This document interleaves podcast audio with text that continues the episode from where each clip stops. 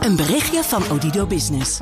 Hoe groot je bedrijf ook is of wordt, bij Odido Business zijn we er voor je. Met unlimited data en bellen en met supersnel en stabiel zakelijk internet. Ook via glasvezel. Ontdek wat er allemaal kan op odido.nl/slash business. Het kan ook zo. We gaan luisteren naar de heer Bouke van D66.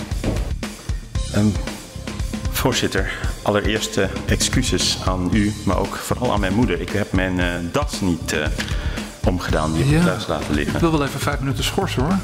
Ja, ik woon in Rotterdam, dus okay. dat gaat niet. Oh. De heer Bondsbal heeft er een bij de hand. Ja, fijn. Doe het voor de tweede termijn. Ik probeer ook jarenlang de heer Quint van de SP op te voeden, maar dat lukte ook niet. Dus het zij u vergeven. Mooi hè, het, de beleefdheidsvormen in het debat. Uh, ik wil mijn excuses aanbieden aan mijn moeder, want ik heb mijn das niet mee. Ligt in Rotterdam. ik vind dat echt, als je gewoon zo'n podcast kan beginnen met zo'n elegante uh, oplossing aan het begin van een bijdrage in de Tweede Kamer. Ja, die kans die moet ik gewoon gebruiken. En dan wordt Quint genoemd en het valt mij ja. op deze week ook weer.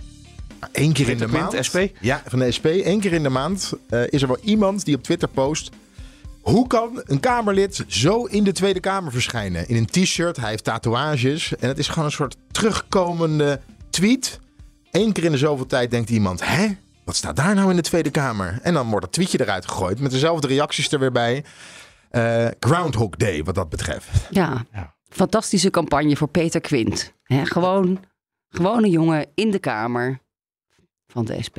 Ja, Lekker volks. Tegenwoordig lopen ze er ook op gymschoenen. Onder die prachtige pakken van. Ja, Klaas Dijkhoff had ook altijd gimpjes ja, aan. En, ik. Nou, Sigrid ja, en daar had nooit iemand het over. Hè? Dat kan Omtzigt ook niet. heeft altijd gymschoenen aan. Ja, echt waar? Ja. Oh, Oh, dan kunnen we nooit meer op die man stemmen. Ja. En nog eventjes snel zeggen, Sofie Leendert, dat dit eh, Studio Den Haag is. Eh, je zou het bijna vergeten te melden, maar Studio Den Haag dus. Van vrijdag 3 februari met Sofie van Leeuwen, Leendert Beekman. Ik ben Mark Beekhuis. Esther Ouwehand is terug in de Kamer deze week. Hè? Die hebben we Ja. nog eh, gesproken op zender ook.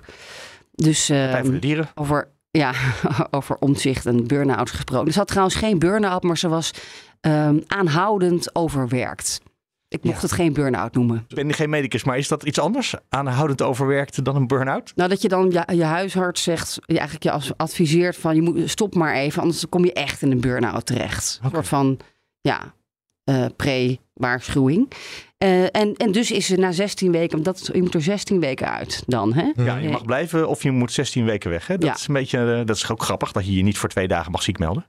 Nee, dus eh, nee, maar goed, je bent toch volksvertegenwoordiger. Dat moet je wel serieus Dan nemen. moet iemand anders invallen. In die... Dat was natuurlijk ook zo. Want gisteren werd eh, op onsubtiele wijze mevrouw Teunissen, die had waargenomen, uitgezwaaid door de voorzitter die we net ook hoorden. Martin Bosma. Ik deel aan de Kamer mede dat mevrouw Ouwehand met ingang van heden weer fractievoorzitter van de Partij voor de Dieren is. Daar ga je, mevrouw Teunissen. En nog meer HR-zaken. Binnenkort gaat de hele fractie van Volt op zwangerschapsverlof. De hele fractie. Eh, Zowel Marieke Koekoek als Laurens Dassen. Maar ja, dat zal ergens rondom de verkiezingen Ik ben plaatsvinden. ongelooflijk ouderwets waarschijnlijk. Maar is Laurens Das eh, zwanger?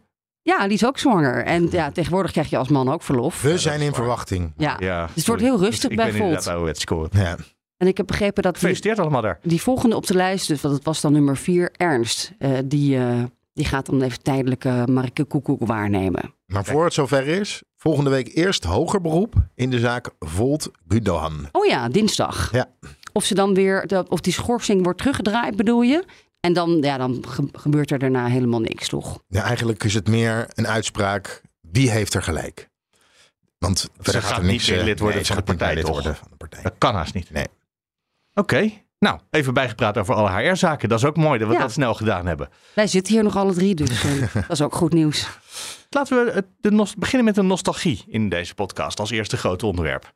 Want ineens waren we weer twee jaar terug. Uit de tijd van de persconferenties op eh, vrijdag of op dinsdag van eh, de premier. Drie jaar terug Is zelfs. drie jaar terug? Ja, dat, Het is al drie jaar geleden, Mark. ja toen, toen was de eerste uitbraak inderdaad. Stond deze podcast toen al eigenlijk? Ja. Ja, dat wel. dus Oh, want we zijn zo oud. Toen waren we denk ik nog met eh Laurens Boven. Toen waren we zeker nog met Laurens Boven. Dus dat is twee voorgangers voor uh, Leender. Ja, Houdt Ja. het langer vol, Sophie. en ehm, het was eh, dag in dag uit corona, corona. Het was het enige Pers. politieke nieuws wat er was. Het Ja. was de hele samenleving natuurlijk ook. Ja, Maar ineens was er van de week weer een debat over hoe het toen gegaan was. De eerste echte officiële evaluatie. Uh, want tot nu toe zei Mark Rutte altijd, ja, evalueren moeten we later doen. En sterker nog, we gaan straks een paar fragmenten horen. Dan zegt hij dat eigenlijk weer. Het is wel gelukt later, want het rapport is al een jaar oud en de, de eerste golf is drie jaar oud. Dus dat is wel uh, geslaagd. Nou, maar ook nu zei hij toch weer in het debat: uh, ik, uh, ja, ik snap sommige van de dingen die u nu zegt. Maar voor ik daar iets van denk of weet, dan moet ik misschien eerst nog eens even een tijdje over bij mezelf te raden gaan. Ja, en met zijn ambtenaren ook. En met zijn ambtenaren, het hele ambtelijke apparaat. Moeten we niet nog even kort samenvatten wat de conclusie van dat OVV-rapport nou, is? Maar jij, jij, hebt nog een frisse blik, dus ja, uh, op, op, jij deze samen. affaire. Ga je gang. Het kwam er eigenlijk op neer dat uh, toen de coronacrisis uitbrak, Nederland niet voorbereid was op de coronacrisis. Je enthousiasme map je tegen ja, de microfoon, nee, maar voel je vrij hoor. Nederland was niet voorbereid. We, um, we waren jarenlang wel gewaarschuwd voor een pandemie, dat we niet pandemie-proof waren, maar ja, toch niet voorbereid. Ja, dus op het moment dat de pandemie er was. Ja, toen ging het dus ook mis. Ja, en in eerste instantie ook te laat gereageerd. En toen ging het mis. En toen moesten er in allemaal ad hoc besluiten moesten er genomen worden. Ja, en dat is, daar is het misgegaan. Er zijn veel fouten gemaakt. En daar is het rapport ook erg uh, ja, kritisch uh, op. Ja, en voor een deel werd de democratie buiten werking uh, gezet. Doordat er gewoon eerst een mededeling via een persconferentie aan het volk werd gedaan. En daarna ging er ook nog snel een brief naar de Tweede Kamer. Die eigenlijk als eerste geïnformeerd had moeten worden. Trouwens, die had moeten kunnen meepraten. Maar die kans was er niet, want het debat was al geweest in de persconferentie met de journalisten. Die helemaal niet democratisch verkozen zijn. Ja. Ik, ik, had het idee dat Mark Rutte deed wat hij vaker doet. Dat hij zei, ik omarm dit rapport. Behalve dan dat ik vind dat alles hartstikke goed gegaan is. Uh, jullie hebben natuurlijk ook dat debat zitten kijken. Gewoon naar nostalgische overwegingen. Was dat ook een beetje jullie, uh, jullie afdronk? Ja, en over die persconferenties vond ik wel opvallend dat uh, wij hebben hem daar ook een beetje van beschuldigd. ja, Laurens en ik destijds nog in ons boek Stilte op Binnenhof. Um, Nog steeds te verkrijgen, denk ik, bij de betere tweedehands boekwinkel? Ja, bij de slechte inmiddels, denk ik. en online. Maar uh, er was een hoofdstuk dat heette Persconferentie voor het Volk. Dus dat was gewoon zenden, zenden, zenden. En uh, niet alleen maar in het begin, maar uh, de hele ja, daar periode. Werd, daar werd niet mee gestopt. Nee, daar gingen ze gewoon mee door. En toen gaf Rutte ook um, in het debat toe dat ja, je bereikte gewoon heel erg veel mensen mee. Die persconferenties, ja, waarom deden we het? Omdat het een extreem effectief middel was. We bereikten zeker de eerste anderhalf jaar 8, 7 of 8 miljoen mensen. Dat gaat je nooit lukken met een abri-campagne of met postertjes op het provinciehuis en het gemeentehuis. Je, dit was een ongelooflijk bereik. En dat is ook waar. Posters plakken en hè. Dat is waarom dictators filmpjes. het zo doen. Ja, dus uh, ja, zo, in Afrika gaat dat ook zo ja. inderdaad. Dan krijg je altijd, uh, uh, altijd de president in beeld. Heel, trouwens, Frankrijk is er ook heel goed in, Macron, ja. om vooral goed. te zenden. Maar dat is een presidentieel stelsel waarvan de premier in Nederland altijd zegt, ja, maar dat hebben wij niet. Ja, en dat is hem zo goed bevallen dat hij er heel erg lang mee door is gegaan. Nou, Ja. zo, zo, dat, zo, zo zegt Rutte dat natuurlijk niet. Maar Nee. dat is wel een beetje de conclusie die we kunnen trekken naar dit debat. Nou, misschien Ja. moeten we even kijken hoe het klonk als eh, meneer Heijink van de SP meneer Rutte daarop aansprak. Ehm, ik wil van de minister-president eigenlijk wel weten, vindt hij het ook met, ja, terugkijkend, dat dit nou de manier was om het parlement te informeren? Na een persconferentie, met een brief een paar uur van tevoren, eh, met een... Kijk, want hij kan zeggen het kon niet anders, het kon natuurlijk wel anders, eh, als het kabinet in het traject er naartoe Ja. eh, een andere keuzes had gemaakt. Dan had het, de rol van het parlement natuurlijk een stuk groter kunnen zijn. Minister-president. Daar zou ik dan met elkaar willen doordenken. Het probleem waar wij voor zaten is dat in de momenten. eh, Ik denk dat er be- best veel momenten waren dat het klopt. Eh, dat er best veel momenten waren ehm, eh, waar de heer Heijing gelijk heeft, waar we die tijd hadden. Maar er zijn ook heel veel momenten geweest met de snel oplopende besmettingen en de noodzaak om snel maatregelen te nemen, dat die tijd er denk ik niet was. En je zou eigenlijk, dat, dat zou, ik, daar zou ik dan ook wel behoefte aan hebben, is wat langer willen doorpraten met elkaar. Ehm, ehm, ehm, dat kan ook best een risico bij ons zijn geweest dat je op een gegeven moment in een soort crisismode zit en altijd maar op het laatste moment tot besluitvorming komt. En dan ook als het niet heel urgent is, eh, laat stukken verstuurt. Nou, als dat zo is, sorry, dan hebben we, hadden we dat anders kunnen doen. En misschien moeten we erover doorpraten met elkaar. Maar er waren heel veel momenten in 2,5 jaar dat de besmettingen snel opliepen en we snel besluiten moesten nemen. En een persconferentie en meteen ook de Kamer informeren. Daar lukte het dan niet. De heer Heijen. Ja, voorzitter, maar dit, dit is een fundamenteel punt eh, dan dat de minister-president er nu van maakte, denk ik. Dit gaat niet over de vraag, hebben wij wel een eh, leuk debat gehad of zo? Dit gaat over de vraag, heeft het kabinet in, die eerste, in het eerste jaar bijvoorbeeld van de coronacrisis, is die niet veel te lang blijven hangen in die, eh, in die crisissfeer, zeg maar? Hè? Dat, dat, dat, wat ik daar straks heb genoemd, het regeren per persconferentie. Eh, er komt een persconferentie, dan gaan we hier nog met je natafel in het, in, het, in het parlement. Dat was toch een beetje hoe het veel te lang, wat mij betreft, is gegaan. En ik wil van de minister-president horen, hoe kijkt hij daar nou op terug? En was het, kijk, voor de eerste weken kan ik me het iets bij voorstellen. Dan, dan gaat het heel hard en dan moet je die beslissingen heel snel nemen. Kan ik me iets bij voorstellen. Maar toch zeker, na die eerste golf had, had, had er dan niet zo een, een verandering moeten komen... dat we uit die Mhm. crisissfeer waren geraakt... zodat we ook hier veel fundamentelere debatten hadden kunnen voeren. In plaats van daags na een persconferentie eh, nog eens een keer een stempel zetten. Ik wil dan echt nog eens even mezelf doordenken, ook met het ambtelijk team. Ehm, eh, hadden we daar, ehm, hebben we op momenten dat er meer tijd was, die tijd ook genomen? Ik herinner mij het, bijvoorbeeld het probleem in september 2020, toen de regionale aanpak niet werkte. En we heel snel toch moesten opschalen naar landelijke aanpak. Ik herinner me eind 2020 toen. eh, de besmettingen snel toenamen. En we uiteindelijk toch de, de lockdown hebben moeten verlengen. Uiteindelijk tot, nou wat was het, ik geloof zelfs april, mei 2021. En daartussen ook nog alle besluiten over verdere maatregelenpakketten. Toen was die ruimte er vaak niet. En later was die ruimte er weer wel. En die was er weer niet in het najaar van 2021, toen het weer snel opliep. Dus ik, ik zeg toe eh, dat wij daar ook nader op reflecteren. Want het, het is voor mij als democraat en voor ons allemaal cruciaal dat de Kamer altijd op tijd geïnformeerd wordt. Heel soms, of vaak, ging dat nu niet vanwege die urgentie. Ik hoorde meneer Heijink van SP zeggen... het gaat er niet om dat we een leuk debatje hebben gehad. Maar dat vind ik wel ook altijd belangrijk. Eh, hebben jullie van de week een leuk debatje hierbij gehad? Of was dit eigenlijk ouderwets tenenkrommend... waarbij Mark Rutte de hele dag bezig was om niets toe te geven... want hij had er geen zin in? Nou, ik kreeg wel gewoon een beetje heimwee van eigenlijk. Ja, dat die- bedoel ik. Die coronacrisis. ik, gek hè? Het, is eigenlijk, het was een nachtmerrie, maar toch...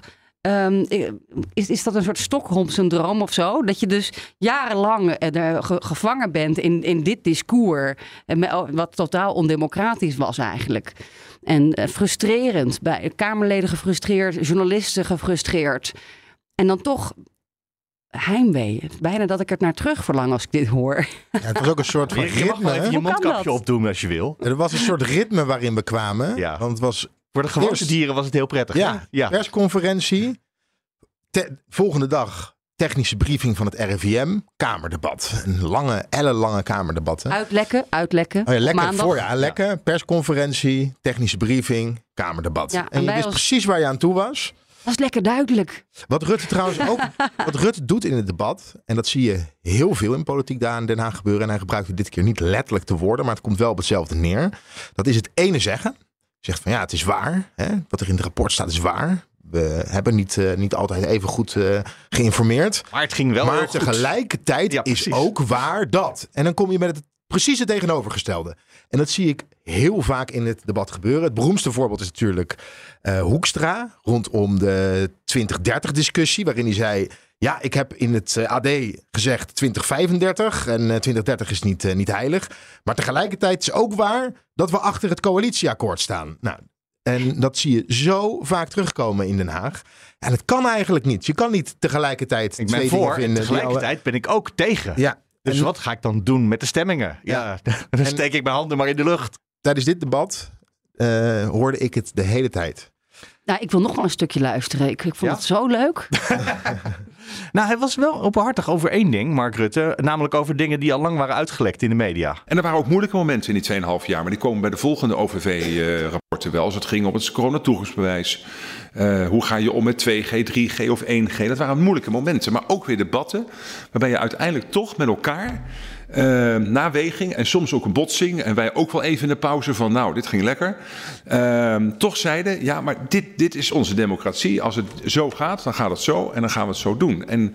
Uh, uiteindelijk zijn we er volgens mij steeds in geslaagd om uh, met grote meerderheden in de Tweede Kamer en het kabinet daar samen uit te komen. En het, het, het uh, waren ook momenten, ook voor, voor ons als kabinetsleden en voor ambtelijk, uh, wat ons een kans gaf om uit te sorteren, om, om de, de zaken goed te articuleren en waar nodig ook het beleid aan te passen. En dat hebben we volgens mij steeds uh, in, in gezamenlijkheid uh, gedaan. Trouwens, ja. volgens mij was hier een hele woedende reactie van, ik dacht Fleur Agema van de PVV. Hè, want de samenleving stemt met de voeten. Het katshuis gaat erover. Iedereen gaat erover, behalve het parlement. Ja. Uh, scholen dicht, hè? En later avondklok. Ja. Agema was Oeh. Sowieso uh, on fire weer. Zoals bij eigenlijk elk coronadebat. Ze was echt boos. Ze was heel boos op uh, Mark Rutte. Wat was haar belangrijkste kritiekpunt? Ja, het ging over de beschermingsmiddelen. Ja, dus de mondkapjes en de handschoenen. Ja, en of de vraag was eigenlijk, hoe kan het nou? De stille ramp, want daar gaat het OV-rapport ook over. De stille ramp in de, in de verpleeghuizen uh, is veroorzaakt doordat er te weinig beschermingsmiddelen waren. Ook uh, zorgpersoneel moest ook gaan werken zonder beschermingsmiddelen, werd, werd ziek.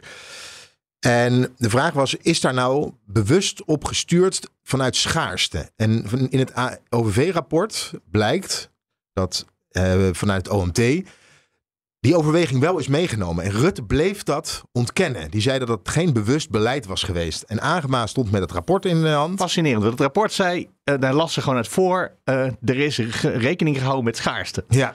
En Mark Rutte zei, ik vind het een fantastisch rapport, maar ik heb een brief gekregen van uh, meneer Van Dissel. En die zegt van niet. ik weet heel fascinerend. Nou, hij noemt het in de context van schaarste. Dat heeft hij heel vaak gezegd. Ja, ja hij heeft een woordtrucje bedacht, zeker. Ja. En daar, is Maarten Heijink dan weer ook heel erg boos over. En nu hebben we dus de onderzoeksraad die zegt schaarste speelde wel degelijk een rol. We hebben mails vanuit het RIVM die zeggen schaarste speelde wel degelijk een rol. We hebben zorgverleners die zeggen uh, met het argument van schaarste kregen wij niet de middelen uh, om onszelf goed te beschermen tegen corona. En wat zegt de minister-president nog steeds? Nee hoor, wij hebben ons alleen maar steeds aan de richtlijnen uh, gehouden en schaarste speelde geen rol. Dat is toch een onzinverhaal, voorzitter? Dat, dat is toch een onzinverhaal? het RIVM. Minister-president. We, hebben ja. we hadden... Ja? We, dit is echt het niveau van, van Hugo de Jonge. Ik, ik was wel betrokken, maar er was geen betrokkenheid. Wat is dit voor geklets? Ik bedoel, schaarste speelde een grote rol. Dat zeggen zorgverleners, dat zegt de onderzoeksraad. Dat zeggen de interne mails bij het RIVM. Dus je kunt niet volhouden dat het niet zo was. En ik vind ook dat we, als je wil leren voor, voor de volgende keer, laten we hopen dat het niet zover komt. Maar dan moeten we hier ook niet zo schimmig over doen. Dan moeten we hier gewoon op elkaar spelen. Dat hoort ook bij evalueren en leren. Ik wil helemaal niet schimmig doen. Ik probeer het RIVM overeind te houden. En het RIVM ja. meldt ons. En ik vind het gewoon netjes dat onderdeel van de discussie te laten zijn. Hoe zij er tegenaan kijken. En ik heb dat letterlijk geciteerd. Dus ik hou dat toch even uh, staan. Ja, dank u wel. Ja. Mevrouw Agema. Ja, dank u wel, voorzitter. Het is echt bespottelijk. Het rijmt toch allemaal ja. niet met elkaar? het is inconsequent. Het is bij elkaar ja. geflanst. Het is gelogen hier en daar. De nee, OVV jongens. heeft gelijk. het veld heeft gelijk. De mensen die naar het OVV stapten om de richtlijnen aangepast te hebben, hebben gelijk. En de minister-president vertelt hier een kletsverhaal. De minister-president. Ja, maar voorzitter, dan ben ik uh, uitgepraat. Als ik nu tot leugen naar een kletsverhaal dien dan een motie van wantrouwen in, dan praten we verder. Wat is het nou voor onzin? Ik lees, citeer hier het RVM. Dat is toch een serieuze club. Die wij vragen in september hoe zit het. Ik heb dat nou letterlijk. Zie wat ik vind, gewoon wat zij ons schrijven. Namelijk dat de medische uh, doorslaggevend was. Natuurlijk in de context van schaarste. Nou, ik heb het nu tien keer verteld. Ik wil het nog een elfde keer voorlezen. Dat is niet dat ja, ik dat ik kijk, vind. Ja. Ik lees voor wat het RIVM ons schrijft. Uh, mede op basis van het OMT-advies. Ja, we gaan nou even evalueren. En daarbij moet uh, niemand beschadigd raken. Dat is natuurlijk wel fascinerend. Want misschien zijn er fouten gemaakt. En moet iemand wel beschadigd raken. Niet om met dat doel.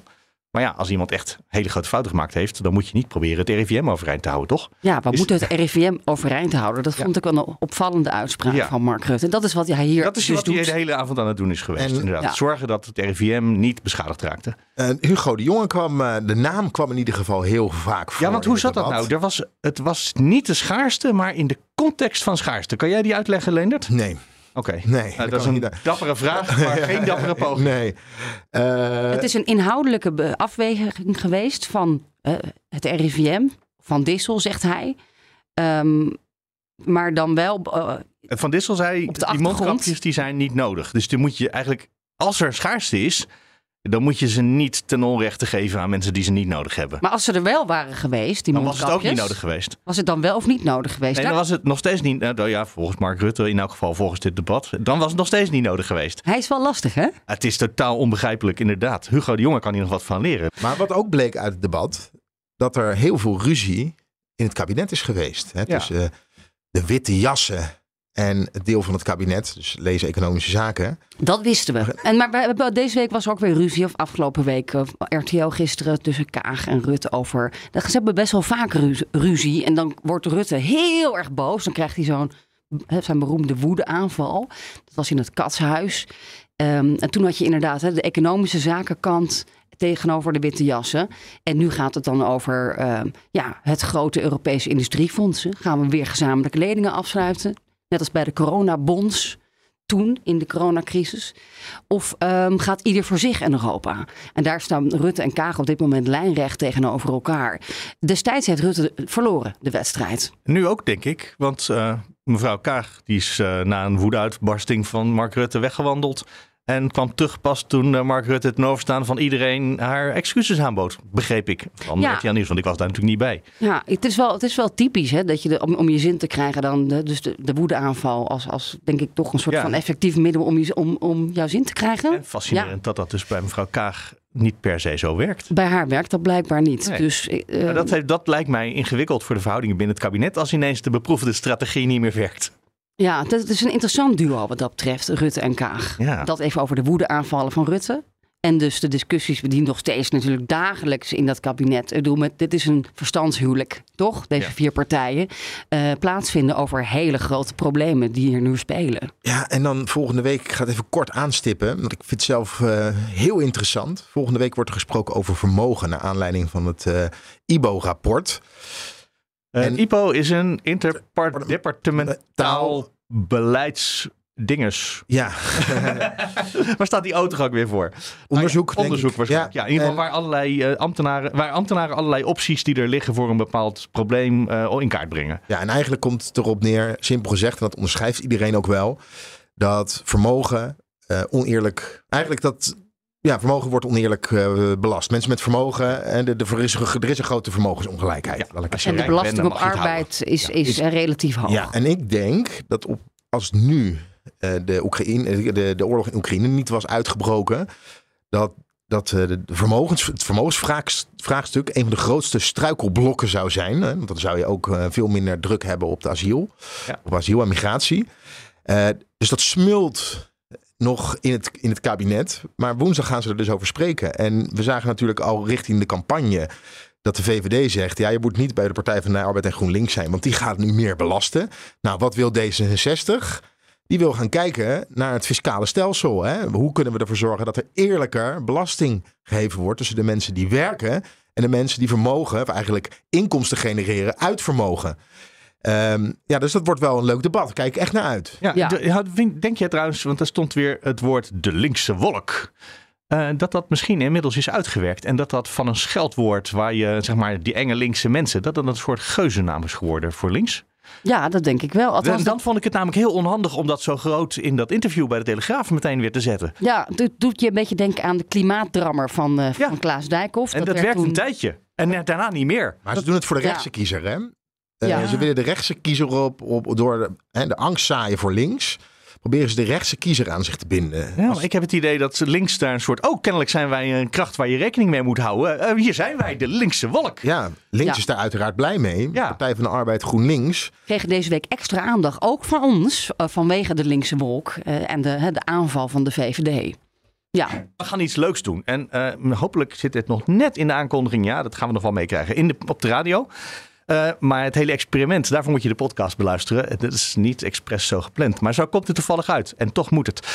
Eh, we hebben, to- jullie hebben allebei toevallig, door gewoon een slecht afspreken, denk ik, ehm, meneer Klaver van GroenLinks gesproken over de campagne voor de Provinciale Staten.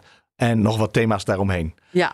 En eh, we gaan nu gewoon kijken welk van die twee interviews nou eigenlijk het meeste heeft opgeleverd. Of wat het leukste was. En daar kunnen de mensen ook gewoon vergelijken. Want we gaan ze allebei laten horen. Oh my god. Ehm, Leendert, laten we beginnen bij jou. Wat was, wat was jouw doel? Eh, je had Klaver eh, Nou, voor het is- een ander het is mis- onderwerp in de studio. Ja, eh, dat ging namelijk over de klimaatwet.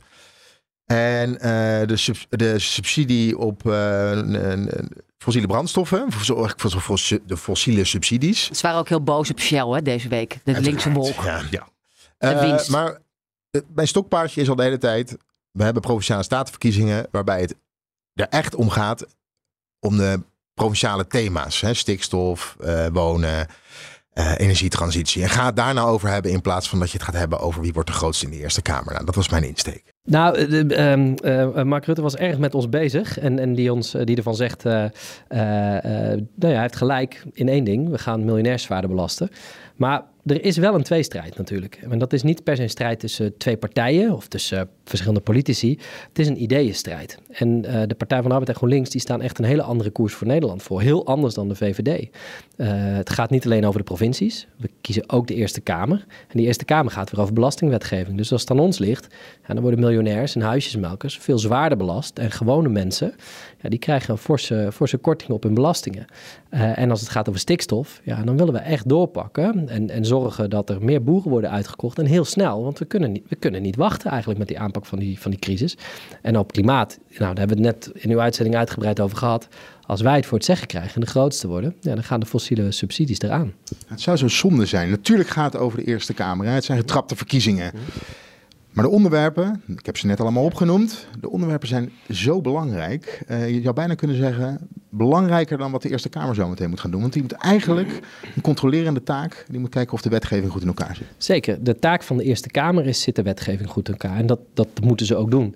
Alleen de realiteit hier is dat de verhoudingen in de Eerste Kamer wel bepalen wat je voor elkaar krijgt. Bijvoorbeeld het energieplafond uh, dat is er gekomen omdat de Partij van de Arbeid en GroenLinks nodig zijn voor die meerderheid in de Eerste Kamer. En daarmee hebben we afgedwongen dat mensen in Nederland worden gecompenseerd. Nou, gelukkig is dat gelukt, omdat je het nu ziet in de laatste inflatiecijfers, dat die bijna gehalveerd zijn. En dat komt vooral ook door dat, uh, door dat prijsplafond. Dat is heel goed. En als wij de verkiezingen winnen en de grootste worden, dan kunnen we nog veel meer afdwingen. Ook op het gebied van stikstof. Want ja, de provincies moeten dat gaan uitvoeren. Dus ook daar maakt het verschil. Zijn de PvdA en GroenLinks daar heel groot of is de VVD daar heel groot? Maar dat beleid voor wat die provincies moeten doen, dat wordt hier in de Tweede Kamer gemaakt. Bijvoorbeeld de 25 miljard die er voor stikstof is gereserveerd. Op welke manier wordt dat uitgegeven? Aan welke eisen moet dat voldoen? Dat bepaalt het parlement, dus de Tweede en de Eerste Kamer. Is het niet een gemiste kans om nu eigenlijk een soort referendum Rutte 4 ervan te maken? In plaats van inhoudelijk op deze belangrijke thema's het debat te gaan voeren. Maar het, wat mij betreft wordt dit de meest inhoudelijke campagne ooit. Want er is namelijk een inhoudelijke keuze. Dat is wat ik bedoel zeggen. Dit is, uh, noem het een verkiezingsstrijd, maar het is een ideeënstrijd. Je kan linksaf of rechtsaf in Nederland. En de VVD heeft een heel ander idee bij wat er in Nederland moet gebeuren dan dat wij dat hebben. En je zal zien dat, dat die keuze ligt nu voor. En als de PvdA en GroenLinks de grootste worden in al die provincies en in de Eerste Kamer, dan gaat Nederland een andere koers varen. En dat is echt wat er reëel nu voor ligt. Het is een ideeënstrijd. Heeft het opgeleverd wat je wilde, Leonard? Een gesprek met uh, Jesse Klaver van GroenLinks? Ja, omdat ik nog steeds, je, er wordt wel gezegd van ja, de thema's van de provincie zijn heel belangrijk. Maar we gaan de komende tijd uh, gewoon zien dat het een strijd wordt tussen de linkse wolk en de VVD. En daar gaan ze volop inzetten. En dat alsnog een referendum uh, uh, voor of tegen gaat worden. En tuurlijk zegt, uh, zegt Kaag, ja, die provinciale thema's zijn belangrijk. Maar de campagne echt in de provincie, zoals ik het liefst zou zien, gaan we niet krijgen. Nee. Zij Kaag. Bedoel je Klaver of Kaag? Klaver, ja. Oh, oké. dacht... Wat ik leuk vind is dat hij, en dit is natuurlijk ook een hele ervaren politicus, die dan toch allerlei zinnetjes tussen zijn antwoorden op jouw vragen doorweeft. Waarin hij eigenlijk vertelt wat, waarvoor hij kwam. En het ongeduld van op zich, misschien wil de VVD ook wel wat wij willen, maar die willen het in 2090. En wij vinden dat je nu alvast moet gaan beginnen met het uitkopen van boeren. En dat, dat doet hij heel behendig. Sophie, een hele andere situatie. want dus... Klaver zat bij uh, Leendert gewoon klaar in een studio. En uh, die was klaar met het gesprek met uh, Kees en, en Lisbeth. En uh, bij jou, jij kwam hem ergens aan, gewoon in de wandelgang tegen. Ja, ergens bij de plenaire zaal, bij de patatbalie daar in de buurt, kwam ik hem spontaan tegen. Ja, sorry trouwens voor deze Jesse Klaver spam, want de luisteraar die denkt nu van, moet ik alweer naar die man luisteren? Nee hoor, die vinden dat hartstikke leuk. Oh, maar dus uh, volledig onvoorbereid uh, stapte ik op die man af. Om en dat ging eigenlijk even over de frontale aanval van Edith Schippers en Mark Rutte. Afgelopen weekend in de Telegraaf. Um, en nou ja, aan de linkse wolk en zijn antwoord daarop. En, oh ja, en het feit maar dat... wilde je iets van hem horen? Was je, was je op zoek naar iets? Of dacht je gewoon, uh, elk, ja, we kijken wel hoe ver we komen? Ja, dus het was een beetje spontaan. En dus ik wilde eventjes zijn reactie erop. Plus, uh, want dat was op dat moment aan de orde. Uh, Job Cohen was net lid geworden van GroenLinks. En ook Bram van Ooyek van GroenLinks was lid geworden van de PvdA. Dus uh, ze waren met een, ja, ook een enorme campagne bezig deze week. Bent u al lid van de PvdA? nee. Nog niet. Schijnt dat steeds meer GroenLinks-leden ook lid van de PvdA worden. Ja, ik zag het. Het is een ware, een ware hype. Mooi om te zien. Bent u mee bezig? Ja, we zijn bezig met iets heel moois. Met een onwijs uh, gave samenwerking tussen onze partijen. Tegen de trend van versplintering in. Zijn er twee partijen die over hun schaduw heen stappen. Zeggen, weet je wat, we hebben zoveel overeenkomsten. Wij gaan heel intensief samenwerken. En samen één fractie vormen in de Eerste Kamer. En daarmee kunnen we gewoon de grootste fractie worden. En kunnen we de VVD verslaan. En dat is goed nieuws voor Nederland. Het gaat wel heel hard. Gaat u richting opheffen? Nee, absoluut niet. Uh, we werken gewoon heel goed samen. We willen graag de grootste worden bij deze Eerste Kamerverkiezingen. Uh, want Nederland kan linksaf of kan rechtsaf. Wordt de VVD de grootste of wordt de Partij van de Arbeid en GroenLinks de grootste? Ja, en als wij de grootste worden, dan kunnen we de koers verleggen. Dan kunnen we het duurzamer maken, dan kunnen we het eerlijker maken. En daarom zit ik in de politiek. Maar Rutte, VVD-leider, die haalt al keihard uit naar u, GroenLinks en de PvdA. In deze campagne, is dat goed nieuws of slecht nieuws? Nou ja, wat, of het goed nieuws of slecht nieuws is. Ik snap wel dat hij, uh, dat hij denkt, wat gebeurt hier nou? Er is namelijk voor het eerst in 20 jaar dat een linkse fractie in de Senaat de grootste kan worden. Uh, dat is hij gewoon niet meer, uh, niet meer gewend. Hij ziet dat zijn machtsbasis daardoor wankelt. Want hij weet, als die partijen samen de grootste worden, dan hebben ze, kunnen ze heel veel veranderingen afdwingen. En dat zullen we ook doen. Dat heb je afgelopen jaar gezien. Wij zeiden, we willen een prijsplafond en er kwam een prijsplafond. Moet je je voorstellen wat er gebeurt als we nog groter worden samen. en wat we dan voor, voor veranderingen in Nederland voor elkaar kunnen krijgen. Vermogensbelasting, dat soort dingen? Dan kunnen we ervoor zorgen dat de vermogensbelasting bijvoorbeeld omhoog gaat. Omdat het natuurlijk niet uit te leggen is dat uh, onder verantwoordelijkheid van de VVD de afgelopen jaren het, er een belastingssysteem is ontstaan waarin een verpleegster meer belasting betaalt dan een huisjesmelker. Dat is de wereld op zijn kop. Uh, dat zie je echt dat de VVD opkomt voor de aller, allerrijkste, voor de mensen met veel vermogen. Wij komen op voor al die mensen die werken in Nederland. En uh, ja, daar is veel verandering nodig. En als we de grootste worden, dan gaan we dat nog voor elkaar krijgen ook. En Rutte die beschuldigt u ervan, ja, iemand heeft zijn hele leven hard gewerkt, verkoopt zijn appartement en vervolgens uh, gaat u het geld belasten. Ja, kijk, de, de, waarheid is dat uh, onder verantwoordelijkheid van de VVD mensen met grote eigen vermogens, de miljonairs, amper belasting betalen in Nederland. Dat gaan wij veranderen. En als die daar boos over is, dat mag. Jullie zijn tot elkaar veroordeeld als je allebei de grootste wordt. Uh, hoe bedoelt u? Rutte en uh, GroenLinks en PvdA. Een nieuw paars kabinet. Bent u daarop uit? Nee, kijk, er wordt nu al samengekeken. In de, in de, politiek moet je met elkaar samenwerken. En het betekent dat, je, dat, dat, dat de allerlei partijen met elkaar samenwerken. Eén ding weet ik wel. Als wij de grootste zijn, kunnen we, een, kunnen we een stempel drukken en kunnen we de koers verleggen. Bijvoorbeeld met het prijsplafond. We hebben ook samengewerkt met een kabinet. Maar er is wel iets gekomen wat wij wilden. En waarom kwam dat er? We konden het afdwingen omdat wij nodig waren voor die meerderheid in de Eerste Kamer. Dus ik zeg, maak ons de grootste in de Eerste Kamer. Dan kunnen we verandering afdwingen. Ja, en dat je dan ook de VVD soms voor een meerderheid nodig heeft, waarvan akte. Uh, maar dan is verandering in Nederland mogelijk. De VVD kiest ook voor die tweestrijd juist om de grootste te worden op rechts. Toch? Dat is ook een strategie, denk ik, van Mark Rutte. Hoe ziet u dat? Nou ja, wat de strategie van de VVD is, dat moeten we aan hen vragen. Uh, wij zitten erin voor de inhoud. En ik wil zorgen dat Nederland eerlijker en duurzamer wordt. Uh, en daarvoor is het nodig dat wij de grootste worden in de Eerste Kamer, zodat we de macht van de VVD kunnen breken. Ja, en dan kunnen we Nederland echt een heel mooie plek maken. Wanneer wordt u lid van de PvdA? Um, uh, als, als dat ooit zou gebeuren, dan bent u de eerste die het hoort. Oh, dat is mooi. Die belofte staat. Ja, ik heb ook nog even aan Henk Nijboer gevraagd van de PvdA. Die is ook nog geen lid van GroenLinks, maar die mag dat ook niet van zijn partij. Hij maakt de Eerste Kamerverkiezingen van, hè? Ja, nee, precies. En, ja. en we moeten even terug naar de middelbare school, want daar leer je kleurentheorie tijdens de tekenles. En volgens mij, als je paars hebt en je doet daar nog groen bij, wat wordt het dan? Dan wordt bruin. Krijg je een soort mest. Een soort mestkleurige coalitie. Nou, dat, nee, nee, nee, dat is niet het beeld. Het stikstofkabinet. Ja. ja, precies. Nou, ja. Um, maar um, ja, dus in, wat dat betreft waren Leonard en ik toch wel weer complementair. Sorry dat we uh, zoveel nee, nee, nee. GroenLinks laten horen in ik deze vind podcast. het interessant om te horen dat twee mensen onder twee verschillende omstandigheden, met twee verschillende insteken op allerlei dingen, een, een heel ander soort gesprek maken. Ja, dit en gebeurt dat trouwens... weet je wel, maar dat, dat het, nou ja, zo, zo werkt het uit. Dit overkomt mij trouwens best wel vaak. Dat je dus uh, totaal onvoorbereid een interview ingaat, omdat er toevallig een minister langsloopt. Ken je dat? Dus Ja. dat, dat niet dat je denkt, oh, ik ga uh, Christiane van der Wal uh, even spreken. Ja, en dan Die komt er een telefoontje van de eindredactie. Eh, Kan je misschien nog even iets vragen over... En dat wordt niet echt helemaal een serieus interview voorbereiding, maar alleen provist. Ja, heel vaak wel. Van de week trouwens nog wel even van der Wal gesproken. Dat was nog een uh, toch wel aardig gesprek die uh, waarschuwt dat uh, ons vestigingsklimaat eraan gaat door de stikstofcrisis. Want niemand kan nog een vergunning aanvragen. En buitenlandse bedrijven willen niet meer naar Nederland komen. Nou, dat leidde zelfs tot een katshuissessie, dat item van mij.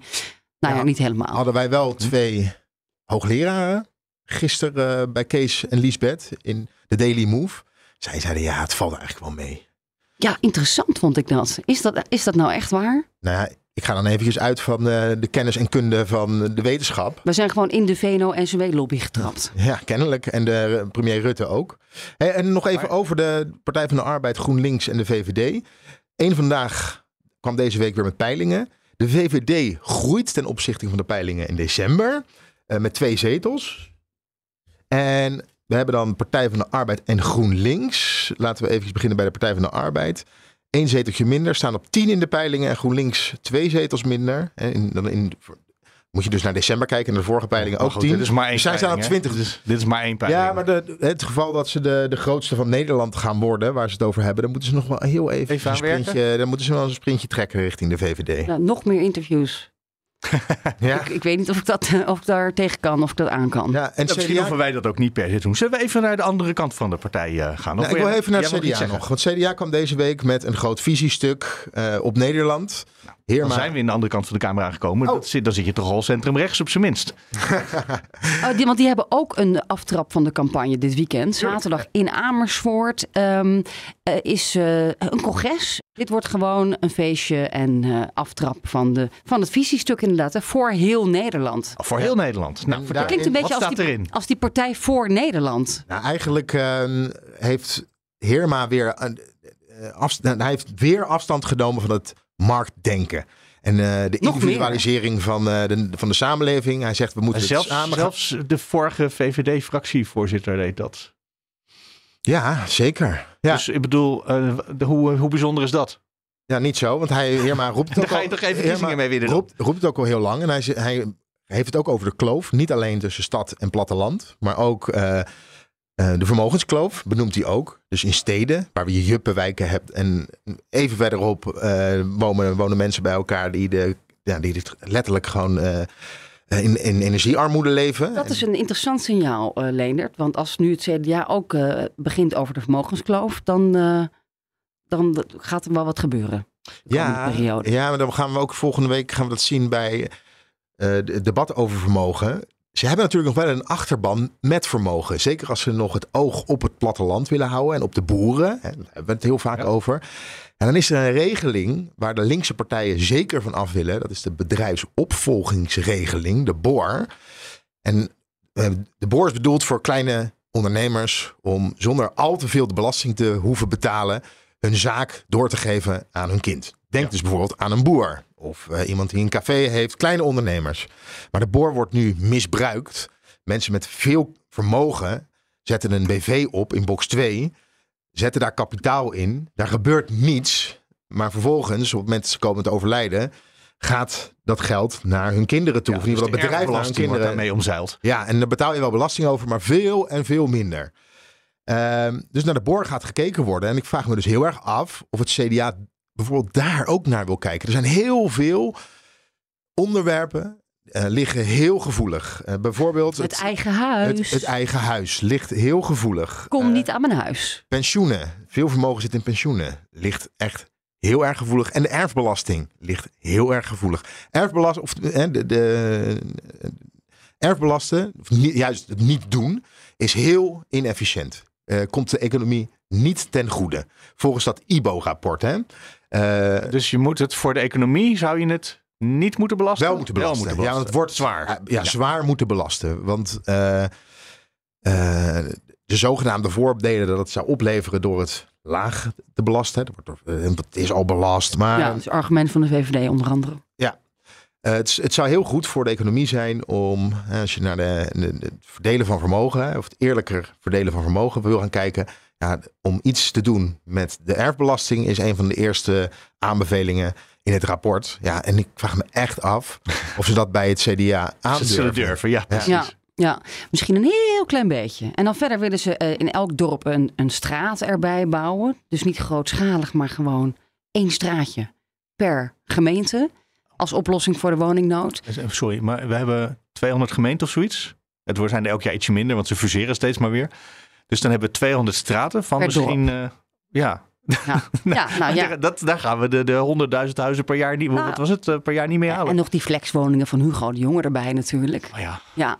En, en dan moet ook uh, die uh, hogesnelheidstreinen zoveel mogelijk. Onder andere het Lelylijn, maar er stonden nog twee andere. In het noorden moeten lege bussen moeten door de provincie gaan rijden. dat, ja, daar komt het ja, buurthuizen, buurthuizen, sociale cohesie. Ja. ja. Wat en is het ook, doel van het rond laten rijden van legere bussen? Uh, nou, het maakt het ook aantrekkelijker om in de regio te gaan wonen, bijvoorbeeld. Uh, het, juist doordat er zo weinig voorzieningen zijn, is het helemaal niet aantrekkelijk om naar, uh, een, een, naar een krimp, dat mogen we niet meer gebruiken, maar naar een krimpregio toe te gaan. Ja, dat willen ze schrappen uit de vandalen, dat woord. Ja. Krimpregio. Wat is er mis? Als het een krimpregio is. Nou, dan willen ze eigenlijk afschaffen. Ze willen gewoon dat wij allemaal in de provincie oh, dit zijn weer Groningen gaan wonen. zijn het.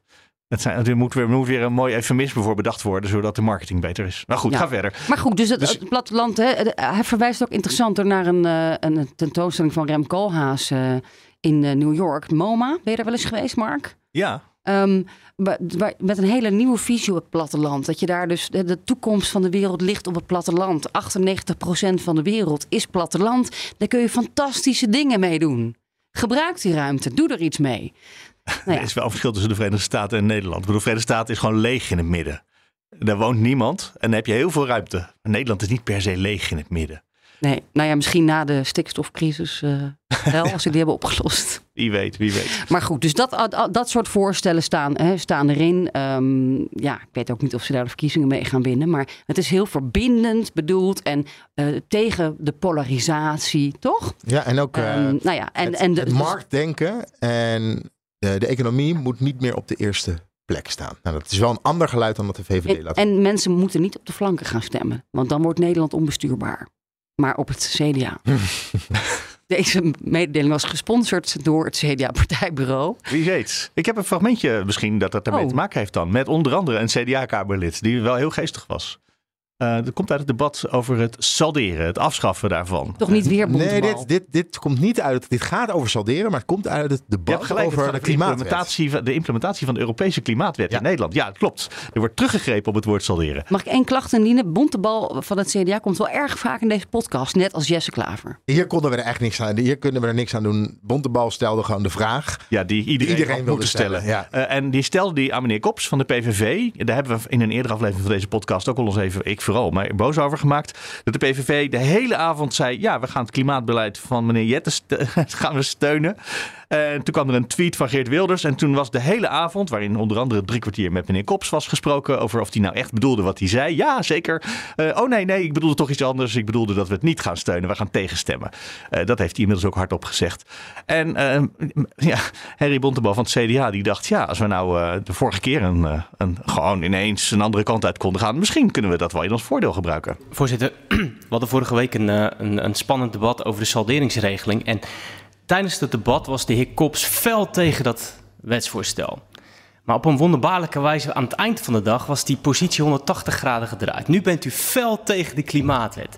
Zou het zo kunnen zijn dat aan het eind van de dag, u begrijpt hem wel, dat de positie van de PVV ook op dit punt is gedraaid? Ik denk dat de kans heel klein is, eh, voorzitter.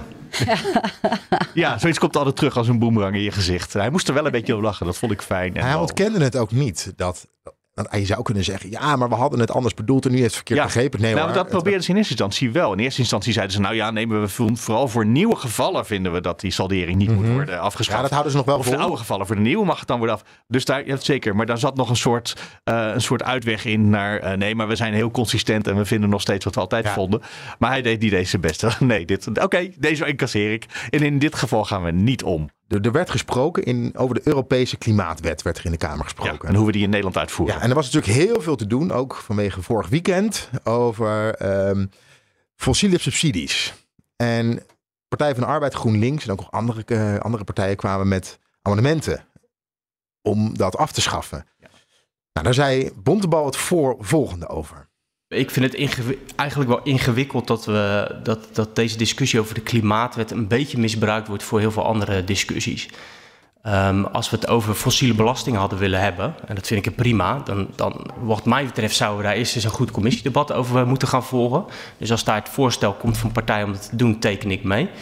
Ehm, ehm, amendementen hadden volgens mij gewoon bij het belastingplan ingediend kunnen worden. Dus mij bekruipt wel sterk het gevoel dat ehm, eh, dit onderdeel is van de verkiezingscampagne. En daar, vind ik gewoon, daar ben ik gewoon niet zo gelukkig mee. Dus ik vind ook de Kamer moet zichzelf serieus nemen. Wetten gewoon goed bekijken en ook amenderen op wetten die op dat moment in behandeling zijn. Dit is natuurlijk ontzettend interessant. Hij heeft, een hele... hij, hij heeft gelijk. Alleen de, de komende tijd is het aan ons om bij elk debat te kijken, bij elke motie of amendement van het CDA. Eh, is dit in lijn van wat er op dat moment in de Kamer besproken wordt? Want ze kunnen nu natuurlijk geen één keer meer zeggen: we gaan iets wat ons ook voor de verkiezingen misschien goed uitkomt. Maar jij denkt dat het van- CDA zich hier ook schuldig aan maakt? Wij, wij- wij doen toch altijd de waan van de dag? En dan gaat het opeens over eh, iets heel anders wat vandaag in het nieuws is. En dan wordt het hele debat en alle media worden daardoor beheerst. Maar Ja. dat mogen we dus niet meer doen. Ehm, ja, je moet dat ook wel doen, want dat is iets waar ieder, het hele land mee bezig is. Ja, zoals ik heb gisteren. van de week heb ik me daar nog uh, mee zitten worstelen. Er kwam het advies van de Gasunie uh, om uh, Groningen open te houden. En daar is, de ene dag was het nieuws, de Gasunie adviseert dat. En de volgende dag was er toevallig een commissiedebat in de Tweede Kamer. Of misschien niet helemaal toevallig. Die dingen worden vaak wel goed getimed. En da daar kwam dit dus ter sprake. En daar, eigenlijk aan het eind van het debat wisten we niet meer dan 24 uur eerder. Want we, hadden ja, we waren best wel snel met alle goede reacties verzamelen, kennelijk. Uh, er zat ook iets anders in dat debat, wat ik uiteindelijk op de radio niet verteld heb, omdat ik dacht, als ik dit er doorheen moet jassen, dan wordt het oninteressant en dan is het moeilijk te volgen. Terwijl dat misschien eigenlijk wel spannender was. Het gaat over, en dan laat ik dat dus nog maar nu maar vertellen, gewoon om even de omissie van toen aan te vullen. Moeten we nou gas op de Noordzee gaan winnen? En wat er interessant aan was, is dat uh, GroenLinks en de VVD zaten naast elkaar, mevrouw Kreuger, meneer Erkens. En meneer Erkens die begint met, nou ja, we hebben gas nodig, dus dat moet ergens vandaan komen. Uh, het gaat niet meer uit Groningen komen. Dus dan moeten we het maar vanaf de Noordzee halen. Want, zegt hij, de Noordzee is gewoon schoner te produceren, dat gas, dan LNG uit Amerika te halen. Moet je namelijk eerst, moet je er, uh, het kost Ja. heel veel energie, moet je LNG moet je samen persen, dan moet het in een schip en dan moet je transporteren. Allemaal vervuiling die niet nodig is als je met een pijpleiding gewoon over de Noordzeebodem eh, naar land brengt. Ja, eens. En het is helemaal, daar is geen spel tussen te krijgen. Het vervelende is, en daarom is het politiek interessant. eh, Mevrouw Kreuger begint aan de andere kant. Die zegt, we, hebben afgesproken, anderhalve graad is ons doel voor de klimaatopwarming. Dat betekent dat we nog een bepaalde hoeveelheid gas uit de bodem kunnen toelaten. Want die gas die gaan we verbranden. En dat is, eh, leidt tot klimaatopwarming. Trouwens, als die gas rechtstreeks in de lucht komt, is het ook klimaatopwarming wat je ervan krijgt. Ehm, dat betekent dat je kan uitrekenen hoeveel gas je nog uit de bodem kan halen. En wij weten dat met alle boortorens eh, die er nu in de wereld staan en alle pompen en plekken, eh, dan zitten we wel ongeveer aan de limiet. Dus wij hebben nooit meer nieuwe gasplekken nodig in de hele wereld. Dus gaan we zeker niet op zoek naar nieuwe plekken in de Noordzee om daar gas te vinden. Want dat betekent dat we niet ons doel halen wat we met onszelf hadden afgesproken om in de buurt van die anderhalf graad uit te komen. Geen spel tussen te krijgen. Allebei waar. is dat het zo? enige, Ja, dit, is, dit, dit klopt ook. Dus we hebben een hele logische conclusie waardoor we per se gas uit de bodem in de Noordzee moeten halen. En aan de andere kant kan je uitrekenen dat we dat zeker niet moeten doen. Tegelijkertijd is ook waar dat, hebben we hier dus. Nee, ja, precies. Maar dan, dat, wat dus interessant is, is dat die twee mensen allebei met feiten, eh, met feiten schermen. Maar eigenlijk is dit waar de politiek, en de politiek in Nederland is natuurlijk volledig gedepolitiseerd, wordt steeds geprobeerd. Maar dit is precies waar, wat de keuze is. Wat vind je dan belangrijker? Vind je het belangrijker dat de industrie kan doordraaien op gas? Of denk je, nee, wij vinden de klimaatopwarming belangrijker. En dat betekent dat ze, nou, weten we niet. Maar moeten we, ik- dit- ik denk maar dat hier, die- is dus de, hier wordt de politiek wordt heel helder waar het over gaat. En dat had ik natuurlijk eigenlijk bij eh, Kees in de uitzending moeten vertellen. Ja, en die leveringszekerheid gaat waarschijnlijk winnen. Of niet? Nou, dat is per traditie. Maar ik hoor net dat het CDA zegt: de economie gaat niet meer per se voorop. Als het CDA daar echt werk van gaat maken en ze worden echt zo groot als ze denken, ja, dan ik, er- geen idee. Maar in- intussen wordt er in de hele wereld als een gek naar gas gezocht. Naar nieuw gas. Ja, in zee. zeker. Oh nee, ik Dus zeg ook niet dat. eh, Dat is ik- de realiteit. Ik zeg ook niet dat de Noordzee het verschil gaat maken voor het klimaat. Maar als je zegt wij nemen ons voornemen en daarmee ons beleid serieus, ja, dan moet je zeggen nee, maar dat betekent dat de Noordzee. Misschien hebben we nog wel wat putten waar we mee verder gaan. Maar daar moeten we dan niet. We moeten nooit meer op zoek gaan naar nieuwe bronnen. Maar Groningen gaat dicht. Oh, trouwens, ik kwam... Dus, oh, nou, je bent iets te snel hoor. Uiteindelijk gaat het volgend jaar dicht. Met, als het aan deze staatssecretaris ligt. En wie weet hoe lang deze regering nog zit. Die kan zo vorige, volgende week vallen over iets. Ja, ik kwam Tom van der Lee tegen, ook in de wandelgang. Dat is de voorzitter van de parlementaire enquêtecommissie naar, naar de ga- aardgaswinning Groningen. GroenLinks ook? Ik vroeg hem, is je rapport al af? Bijna, zei hij terwijl hij wegliep in de gang. maar het komt ook bijna. 24 februari. Oh, binnen- over, over drie weken. Wij gelijk. proberen een uitzending vanuit Groningen te cheffen. Dat is leuk. Moeten we wel daar gaan kamperen, denk ik. Ja, een leuk Ja. boerderijtje met scheuren erin. Een rustiek Ru- Gronings in elkaar gezakt eh, boerderijtje. Dat zou treurig zijn, maar wel heel... eh, toepasselijk. Toepasselijk, ja, dat is het woord. Ik ga op zoek naar een verscheurde B&B. Nou, zit u daar eh, verscheurd te zitten in Groningen en denken... We, we kunnen nog wel drie eh, verslaggevers van BNR onderdakken. Ja, dat Bieden. zou leuk zijn. Dan eh, komen we graag logeren. Ehm je zit met papier in de aanslag, Sofie. Wat staat erop? Ja, ik heb iets leuks. Vertel. Gisteren is er een eh, motie ingediend, die eigenlijk veroorzaakt is door mij, ehm, over het afschermen van het, eh, het kadaster voor journalisten en andere publieke eh, personen, zoals politici. Er is een meerderheid in de Kamer sinds gisteren en een toezegging van het kabinet om voor ons, om je, dus je, je, gegevens in het kadaster te mogen afschermen voor je eigen veiligheid. Als je denkt, uh, ik ben een publiek persoon, uh, misschien voel ik me bedreigd. Hè? Dus voordat het te laat is, zou je al je gegevens moeten kunnen afschermen. Dat kan al bij de Kamer van Koophandel, maar wel via een speciale postbus. Maar het kadaster kon nog niet. Paar weken geleden sprak ik Hugo de Jonge. Die vond dat toen niet echt nodig. En die zei ook, pas op voor witwassen praktijken. Ik wil wel inzage hebben in alle gegevens in Nederland. En nu dus motie uh, met dank aan Sneller en Sjoersma van D66.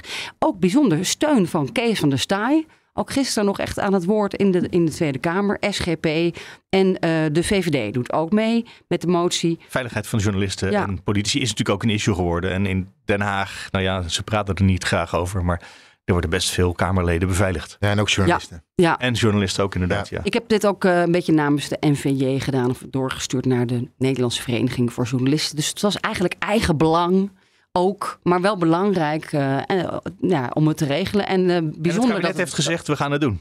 Ja, Jezil heeft gezegd, uh, we gaan hier serieus naar kijken. Uiteindelijk verwijst ze dan weer naar Hugo de Jonge. En die vond het niet belangrijk. Nee. Dus, dus, je bent er nog niet, als ik het zo hoor. Nee, want die, die gaat namelijk over het kadaster als minister van ja. de woonminister. Ja, dus ik ben nog niet helemaal. voor wat eigenlijk uiteindelijk de tekst van de motie is geworden. Ik ben nog niet helemaal gerust. Goed, de Kamer gehoord de beraadslaging constaterende dat privéadressen van iedere eigenaar van een koopwoning vindbaar zijn in het kadaster.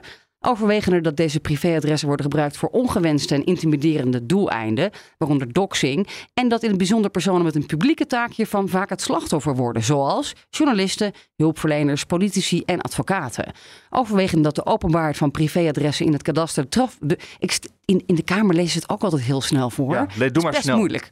De strafbaarstelling van doxing ondermijnt. Verzoekt de regering op kortst mogelijke termijn mogelijk te maken dat personen die te maken hebben met bedreiging en intimiderende situaties op verzoek hun adres kunnen laten afschermen in het kadaster. Verzoekt de regering om de toegang tot privé- en huisadressen in kadaster verder te beperken tot alleen die professionele gebruikers waarvan redelijkerwijs verwacht mag worden dat zij uit hoofden van hun taakuitvoering en met oog op het goed functioneren van de vastgoedmarkt deze toegang nodig hebben, bijvoorbeeld makelaars, notarissen, banken. En gaat over tot de orde van de dag.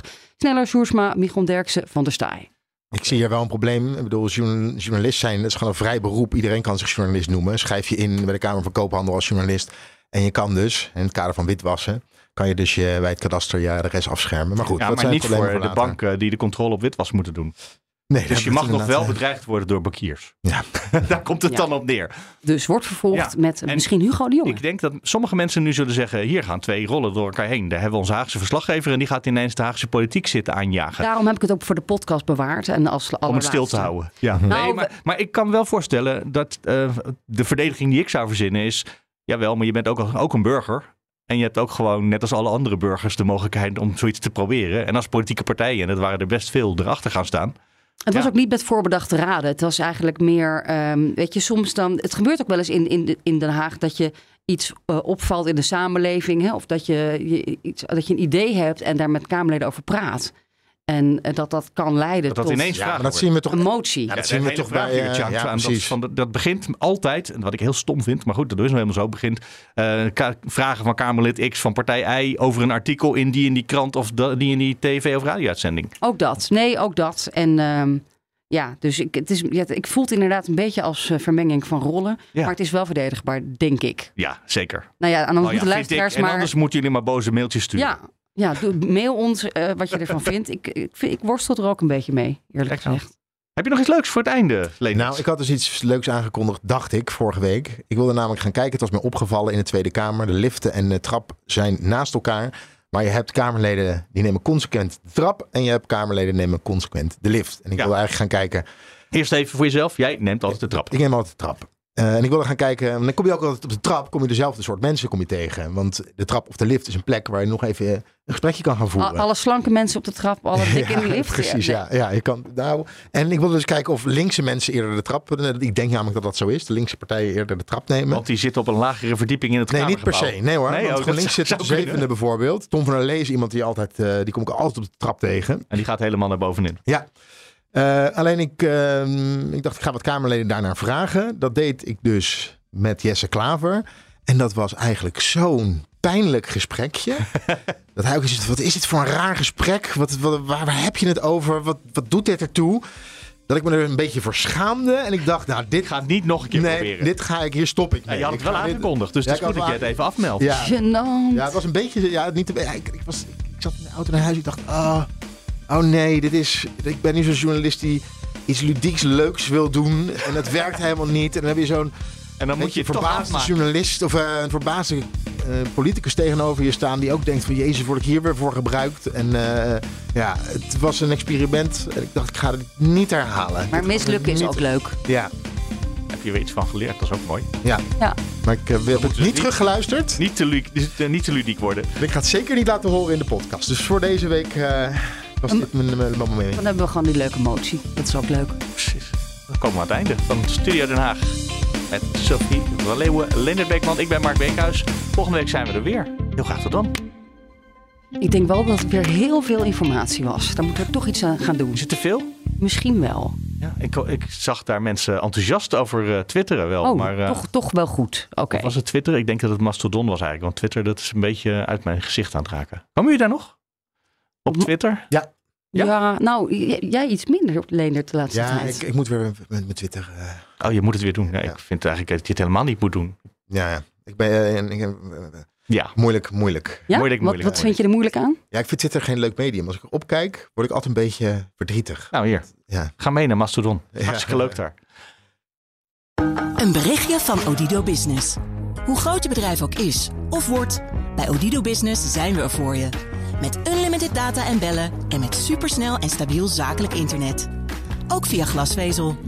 Ontdek wat er allemaal kan op odido.nl/business. Het kan ook zo.